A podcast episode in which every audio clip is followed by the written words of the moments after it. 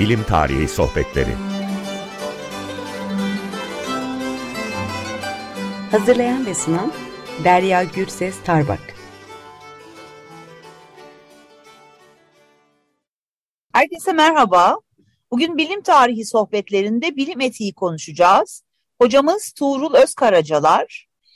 Tuğrul hocamız 1971 yılında İstanbul'da doğmuştur. Boğaziçi Üniversitesi Felsefe Bölümünden 2002 yılında mezun olmuştur. Yüksek lisansını aynı bölümde 2005 yılında tamamlamıştır. Doktorasını ise 2019 yılında Maltepe Üniversitesi Felsefe Programı'ndan almıştır. Hocamızın ilgi alanları etik, bilim felsefesi ve siyaset felsefesidir. 2008 yılından beri Türkiye'de çeşitli devlet ve vakıf üniversitelerinde lisans ve yüksek lisans düzeyinde dersler vermektedir. Bu okulların arasında bizim beraber çalıştığımız Bahçeşehir Üniversitesi de var. Ee, İstanbul Teknik Üniversitesi, Yıldız Teknik, Özyeğin, MEF, Kadir Has Üniversiteleri de ders verdiği üniversiteler arasında sayılabilir. Hocam hoş geldiniz Tuğrul Hocam. Hoş bulduk, teşekkür ederim. Ee, şimdi izninizle ilk sorumla başlamak istiyorum. Tabii ki. Şimdi etik, e, hani benim de ilgilendiğim bir konu ahlak felsefesi.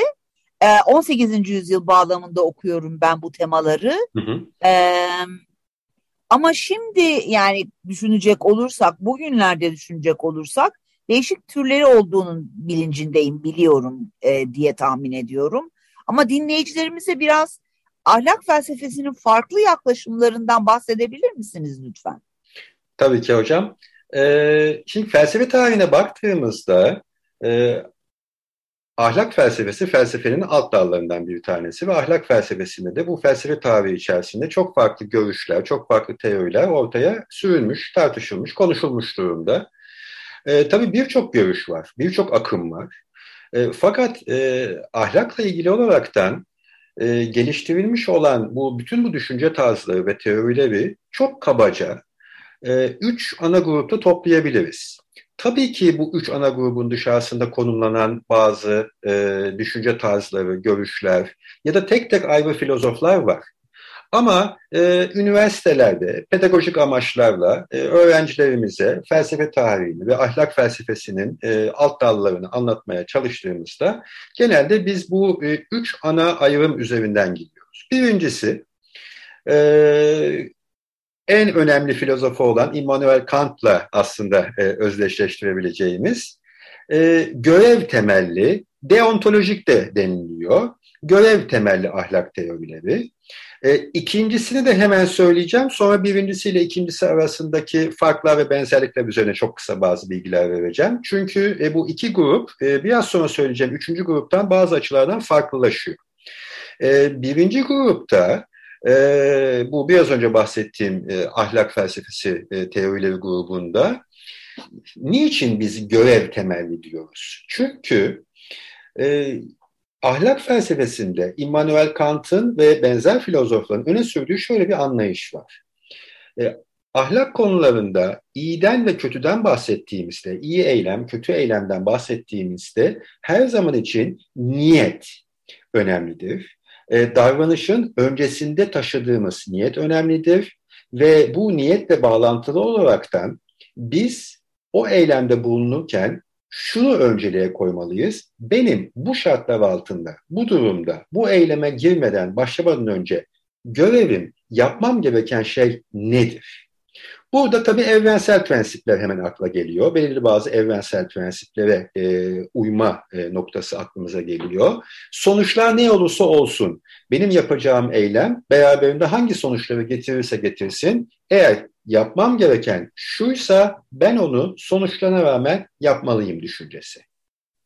Yani belirli bazı evrensel öyle e, duygulara göre değişmeyecek, şartlara göre değişmeyecek, e, mutlaka benim bunu yapmam gerekiyor ya da yapmamam gerekiyor şeklinde özetlenecek bir e, görev temelli bir anlayış. Bunun karşısında, karşısını derken tamamıyla buna karşı olan, 180 derece karşı olan, onu reddeden, bunu kastetmiyorum tabii ki. Başka bir ikinci e, ahlak felsefesi teori grubu var. E, buna da sonuççu yaklaşımlar, İngilizce'deki o consequentialist yaklaşım dediğimiz, ve en popüler e, alt dalı da e, utilitarianizm yani yararcılık, faydacılık olarak çevirebileceğimiz. ilk akla gelen filozof da John Stuart Mill tabii ki. E, daha çok ahlaki eylemleri sonuçlarına göre değerlendiren, yani ben bu ehlemde bulunduğumda e, bunun getireceği e, pozitif sonuçlar, negatif sonuçların karşılaştırılması, hatta bir deyişle, bir benzetmeyle, bu benzetme bana ait değil, ahlaki muhasebecilik diye de özetleyebileceğimiz artıların eksilerin hesaplanması, karşılaştırılması. Eğer artılar eksilerden daha ağır basıyorsa hadi yapalım. Eğer basmıyorsa yok yapmayalım şeklindeki bir anlayış. Yani e, iş e, eylemin değerini, ahlaki açıdan değerini sonuçlarına göre değerlendiren bir anlayış. E, bu ne o yüzden e, Kant'ın biraz önce söylediğim birinci temel anlayışa göre biraz daha böyle karşıt bir konumda konumlandırabiliriz. Ama şuna dikkat etmek gerekiyor. Hemen üçüncü anlayışa geçiyorum. E, bu ilk iki e, farklı anlayış diyeyim ben eylemlerle bağlantılı anlayışlar. Yani nasıl davranmalıyım, nasıl davranmalıyız sorusu Kant'ta da e, Mill'de de temel soru. Biraz sonra söyleyeceğim üçüncü ahlak felsefesi anlayışında ise nasıl davranmalıyımdan ziyade nasıl olmalıyım, nasıl bir insan olmalıyım, nasıl bir insan olmalıyız denilen anlayış yaygın ve bu üçüncü anlayış ismi de erdem etiği. E, virtue ethics olarak da İngilizceye çevrilebilecek. E, Aristoteles'in aslında tarihsel kökenleri ilk iki akımdan çok daha gerilere giden erdem etiği dediğimiz bir e, anlayış. E, erdemlerin, erdemleri kazanmanın, edinmenin, bunları hayata geçirmenin ve bütün bir ömür boyunca yaşamanın, sadece böyle tek tek durumlarda değil, e, önemini vurgulayan bir akım. Yani burada şöyle bir anlayışın olduğunu da söyleyebiliriz. Eğer siz bir erdemli insansanız, o erdemlere sahip olmuşsanız zaten yeri geldiğinde nasıl davranılması gerektiğini otomatikman bileceksiniz. Yani sonuçlara göre mi yoksa niyete göre mi ben bu davranışları değerlendirmeliyim? Bunu erdemli insan zaten tırnak içerisinde otomatikman bileceği için asıl öncelikli olan, önemli olan bizim belirli bazı işte dürüstlük gibi, e, şeffaflık gibi, yardımseverlik gibi bazı erdemleri kazanıp kazanmadığımız. Bunlar eğer kazanılmışsa eğitim burada ön plana çıkıyor tabii ki, ahlaki eğitim özellikle. E, buradan zaten yeri geldiğinde nasıl davranılacağını bu insanlar e, sahip olmuş oldukları ahlaki bilgelik sayesinde bileceklerdir anlayışı. Son olarak şunu söyleyebilirim. Tabii ki bu üç akım dışında başka akımlar da var, başka izimler de var ve ayrıca e, bu akımların ve izimlerin içerisinde konumlandırılamayacak birkaç tane çok önemli isim de var. İki tane isim vererek e, sadece bu e, konuyu kapatabilirim. David Hume örneğin ya da Nietzsche e, bu üç akımın da ya da ona benzeyen başka akımların ve izimlerin içerisinde kolay konumlandırılamayacak ama ahlak felsefesine kendilerini çok büyük damga vurmuş iki isim David Hume ve Friedrich Nietzsche de e, adlandırılabilir. Ama temel üç e, ana akım anlayış e, bu şekilde diye özetleyebiliriz. E, hocam çok teşekkürler. Şimdi o zaman biraz bilim etiği konuşalım. Yani bilim etiği deyince bu bahsettiğiniz farklı türlerin, yaklaşımların hangileri dahil oluyor e, bu bilim etiği pratiği meselesine? Evet. Şimdi burada e, sorunuza e, cevap vermeden önce e, çok kısa bir e, detaya girmeden bir parantez içerisinde bir noktaya da aslında dikkat çekmek istiyorum. E, bu e, belki faydalı e, olabilir bizim e, buradaki tartışmamız açısından. Tabii bilim dediğimizde biz hemen e, aklımıza e, teknoloji de geliyor. Yani bilimle bilim sözcüğü e, telaffuz edildiğinde e, ayrıca da biz bir de bilim ve teknoloji e, pek demiyoruz. Yani daha çok bilim denildiğinde aslında teknoloji de kastedilmiş oluyor genellikle. Ama yani e, bilim ve teknolojiyi de bazı durumlarda birbirinden ayırmakta fayda olabiliyor. Niye? Bunu çok kısa bir cümleyle açıklayacak olursak, çünkü bilim işin daha çok, daha böyle teorik tarafını, daha e, düşünsel tarafını e, temsil ederken teknoloji daha çok işin daha pratik yönünü, daha hayata e, kendisini hayatta kendisini hissettiren yönünü temsil ediyor. Dolayısıyla niteliksel olaraktan bu iki kavram arasında farklılıklar olduğu için e, bilim etiğinden konuşmaya başladığımızda aslında e, bu iki farklı alan üzerindeki akıl yürütmeler ve düşüncelerin de birbirinden biraz farklılaşması gerekiyor. Bunu ben sadece bir not olaraktan bir yani belki aklımızda kalması gereken bir nokta olaraktan belirtmek isterim ama tabii şu anda çok detaya girmemize de gerek yok.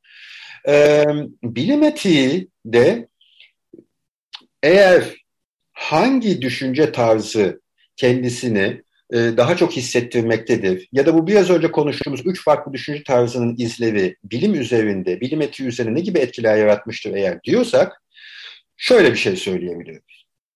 Bilimin günümüzdeki haline, günümüzdeki durumuna bakmakta çok büyük fayda var.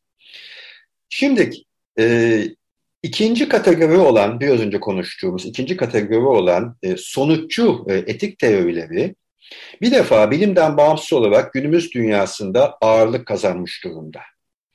Her ne kadar erdem etiği de son yıllarda büyük bir popülariteye sahip olmasına rağmen aslında günümüzün modern dünyasının, kapitalist dünyasının ne derseniz deyin, yani günümüzde içinde yaşadığımız dünyanın, e, dünyada bu dünyanın sistemi budur diyeceğimiz bu sistemin içerisinde aslında e, sonuççu e, etik anlayışı çok daha yaygın.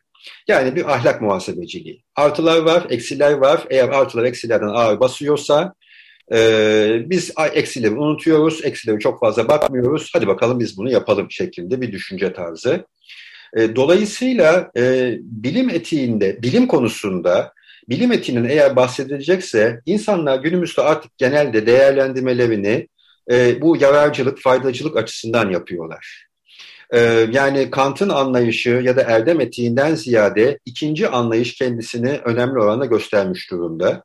E, bu tabii çok e, üzerinde uzun uzun konuşulacak bir konu ama çok ana hatlarına değinecek olursak e, bilimin günümüzde bilimsel faaliyetin daha doğrusu ben bilimsel faaliyet demeyi daha çok seviyorum bilim demekten ziyade. Çünkü bilim özünde bir faaliyet, bir insan faaliyeti. Böyle soyut havada yüzen bir şey değil.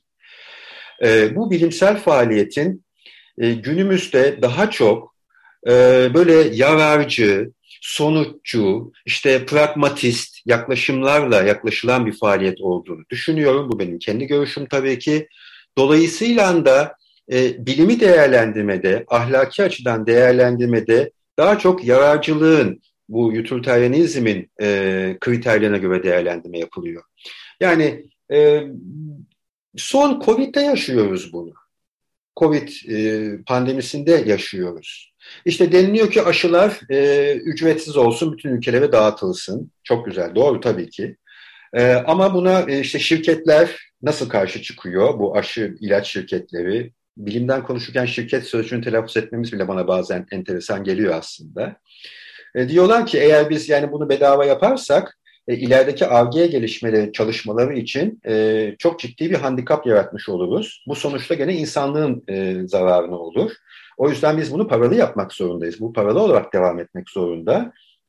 E, yani böyle bir patentin bütün insanlara açılması, e, bedava aşının yapılması gibi bir şey söz konusu olamaz. E, bundan dolayı bu şekilde devam edeceğiz şeklinde görüşler var. Kim haklı kim haksız şimdi buraya girmiyorum. E, ama burada bir artı eksi hesabı var.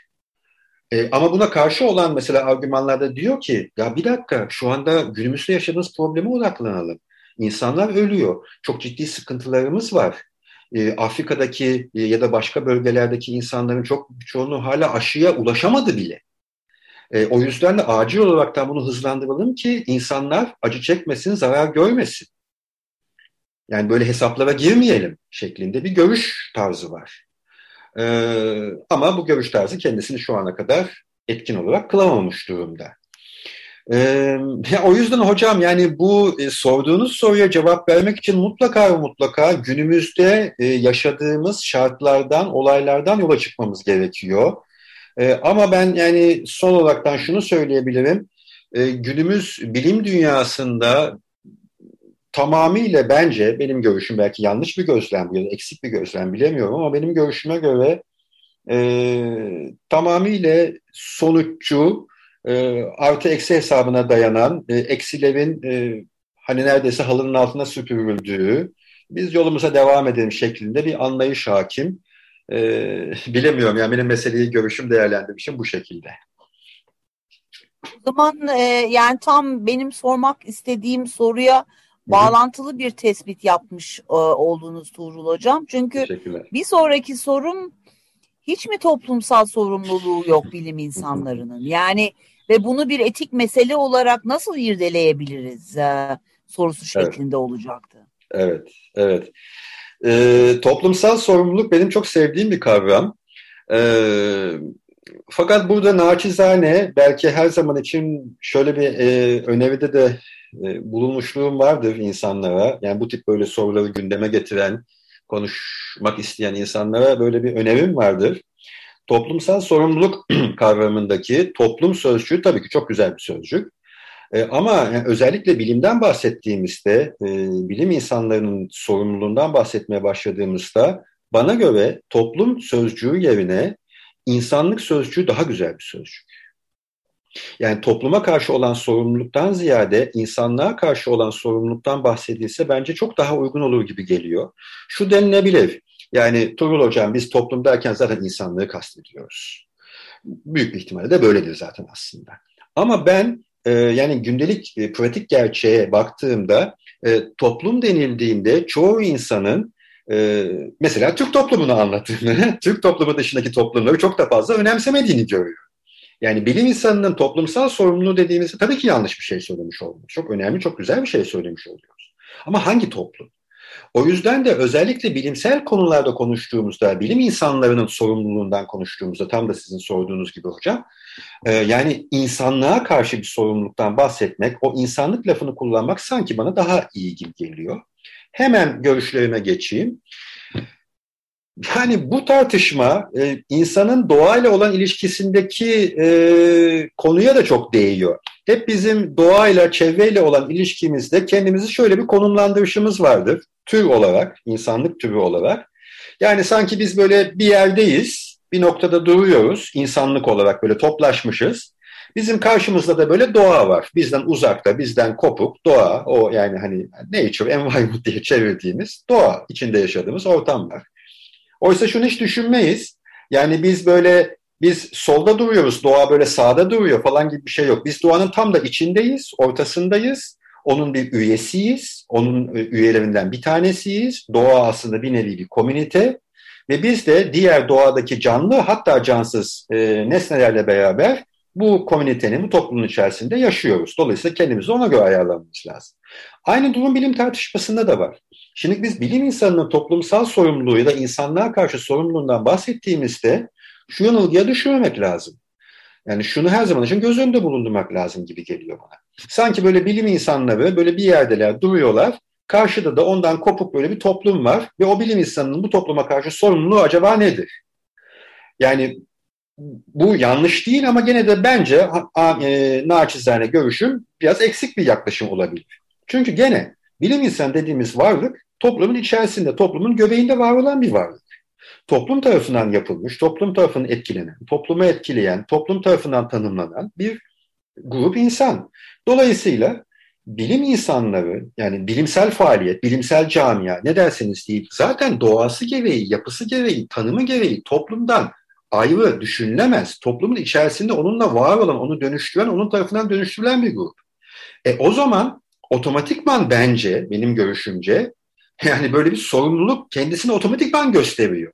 Yani bu bir lütuf, özel olarak dikkat edilmesi gereken, özel olarak özen gösterilmesi gereken bir şey olmaktan çıkıp sorumluluk, toplumsal sorumluluk, zaten olması gereken işlerin yürümesi için, doğal olarak yürümesi için e, gerekli şartlardan birisi olarak ortaya çıkıyor. Toparlayacak olursak bilim insanının, bilimsel camianın ya da bilim camiasının içinde yaşadığı topluma karşı olan sorumluluğu zaten özsel bir şeydir. Çünkü neden? Bilim insanı, bilimsel camia, bilimsel faaliyet toplumun içerisinde yapılan bir şeydir ve dolayısıyla da toplum için yapılan, insanlık için yapılan bir şeydir ve öyle olmalıdır. Ama yine günümüzde uygulamaya baktığımızda ağırlıklı olaraktan bilimin sanayiyle, uluslararası şirketlerle, kar e, güdüleriyle biraz fazla haşır neşir olduğunu ve insanlık için değil, e, daha çok belirli bazı böyle dar bir grubun çıkarı, iyiliği, güzelliği elde ettiği kar için yapılan bir aktivite haline belli bir oranda geldiğini de görüyoruz. Bu ayrı bir konu tabii ki. E, yalnız burada bir kategorik bir farklılık olduğunu hissettim ben. Şimdi evet. soruyu sormamın e, şeyi e, altında yatan yani bu e, üçüncü soruyu sormamın altında yatan evet. motivasyon e, bilim insanlarının mesleki olarak insanlığa olan sorumluluğundan ziyade hı hı. E, toplumsal olarak kendilerini bilim insanı kimlikleriyle e, toplum içerisinde nasıl söyleyeyim ifade etme, var etme ve e, ne denir ona e, yeri geldiğinde e, bu bir nasıl söyleyeyim toplumsal sorumluluk projeleri vardır ya hani evet. bu sivil toplum örgütlerinin. Evet. Ha, öyle şeylerden bahsetmeye hı hı, niyetim hı. vardı. E, evet. Dolayısıyla e, her ikisi de tabii ki çok önemli. Evet. Um, ama bilim insanlarının insanlığa olan sorumluluğu sanırım mesleki etik. E, alanını kapsıyor. Evet, Ama evet. benim kastettiğim e, Hı hı. Yani konuşalım istediğim so toplumsal sorumluluk meselesi sanırım e, meslekiden çok kişisel bir hı hı, hı. inisiyatifi içeriyor. Hı hı. E, bu konuda aynı fikirde miyiz? Evet evet hocam aslında tabii doğru katılıyorum. Katılıyorum. Ee, tamam. Evet. Ee, yani bunu e, normatif düzeye taşıyacak olursak eğer şöyle bir soru sorulacaksa yani bu tip projelerin içerisinde örneğin bilim insanlarının yer alması doğru mudur, yanlış mıdır? Gerekli midir, gereksiz midir noktası eğer sorgulanacaksa e, vereceğim cevap tabii ki çok e, basit olarak evet olacaktır. Ama yani şu şerhi de her zaman koymak zorunda kendimi hissediyorum. Yani toplumsal sorumluluk projesi kavramının kendisi de her zaman için üzerinde durulmaya ve e, analiz edilmeye muhtaç bir kavramdır. Eğer yani o toplumsal to, to, toplumsal e, toplumsal sorumluluk projesi yani bir şirketin vitrin düzenleme aracı olarak kullandığı bir proje ise o zaman yani e, yine de evet mi? Bazı durumlarda yine de evet.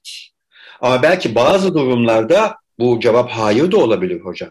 Yani eğer bir şirket toplumsal sorumluluk bir, ya da bir kurum, hep şirket sözcüğünü sırf telaffuz etmeyelim, burada bir haksızlık da yapmayalım konuyu daraltıp. Yani herhangi bir proje e, orta ve uzun vadede toplumsal fayda dışında kurumsal o yani daha böyle bir e, egoist diyeyim ben kurumsal faydayı güdüyorsa o zaman bir bilim insanının o projede yer alıyor olmasının e, yararları tabii daha sorgulanabilir bir hale geliyor. Ama prensip olarak toparlayacak olursak tabii ki yani bilim insanı toplum içerisinde olan bir varlıktır. Bu tip projelerde yer alması, öncülük etmesi her zaman için beklenir. Anladım. Çok teşekkürler. Şimdi son soruma geçmek istiyorum. E, 3-4 dakikamız kaldı. Evet. E, şimdi e, biliyorum Bahçeşehir'de de siz e, pratik etik e, evet. tıp etiği konusunda dersler verdiniz. Evet, evet mühendislik ee, etiğinde de ders vermiştim. Evet evet. Ee, şimdi derslerinizde nasıl sorularla karşılaşıyorsunuz? Çünkü pratik etik meseleleri gerçekten çok ilginç sorular içeriyorlar. Evet. Biraz örneklendirebilir misiniz bize? Tabii ki. E, tıp fakültesine hemen o zaman onu ilk önce ondan söz ettik. Onunla ilgili hemen çok bir iki kısa değinme yapayım. Şöyle bir durum söz konusu.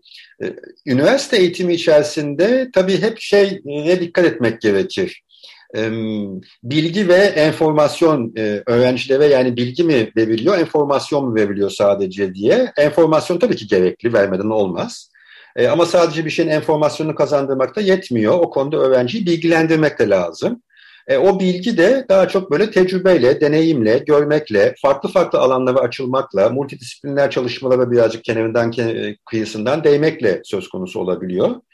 E, ben öğrencilerde e, Bahçeşehir Üniversitesi'nde özellikle ders verdiğim e, zamanlarda öğrencilerin önemli bir kısmından böyle bir farkındalık ve hassasiyet hissetmiştim.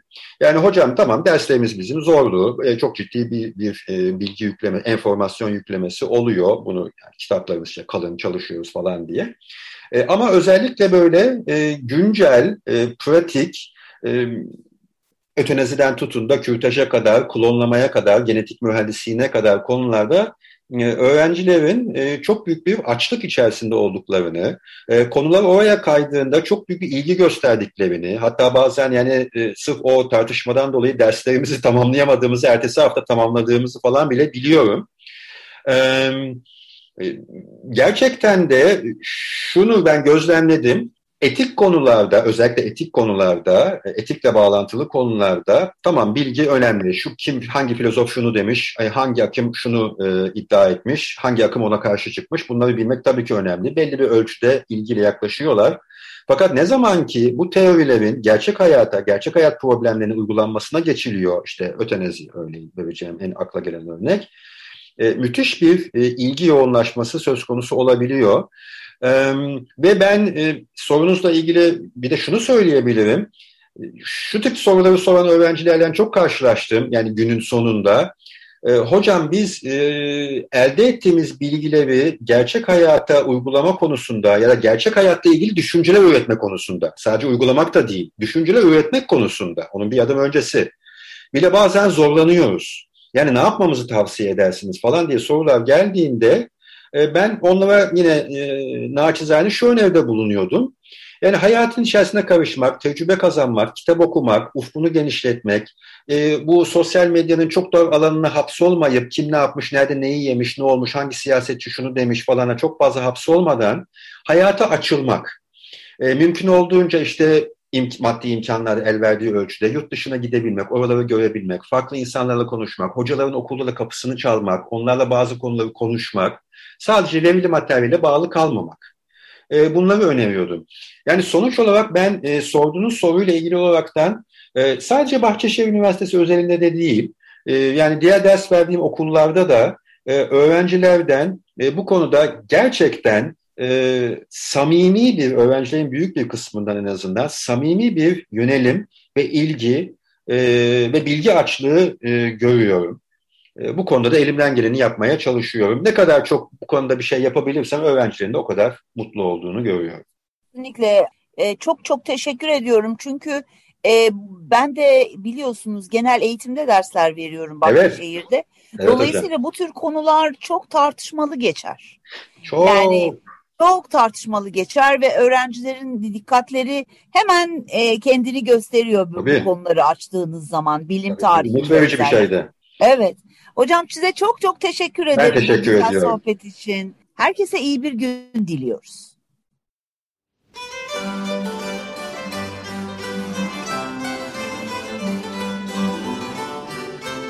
Bilim Tarihi Sohbetleri Hazırlayan ve sunan Derya Gürses Tarbak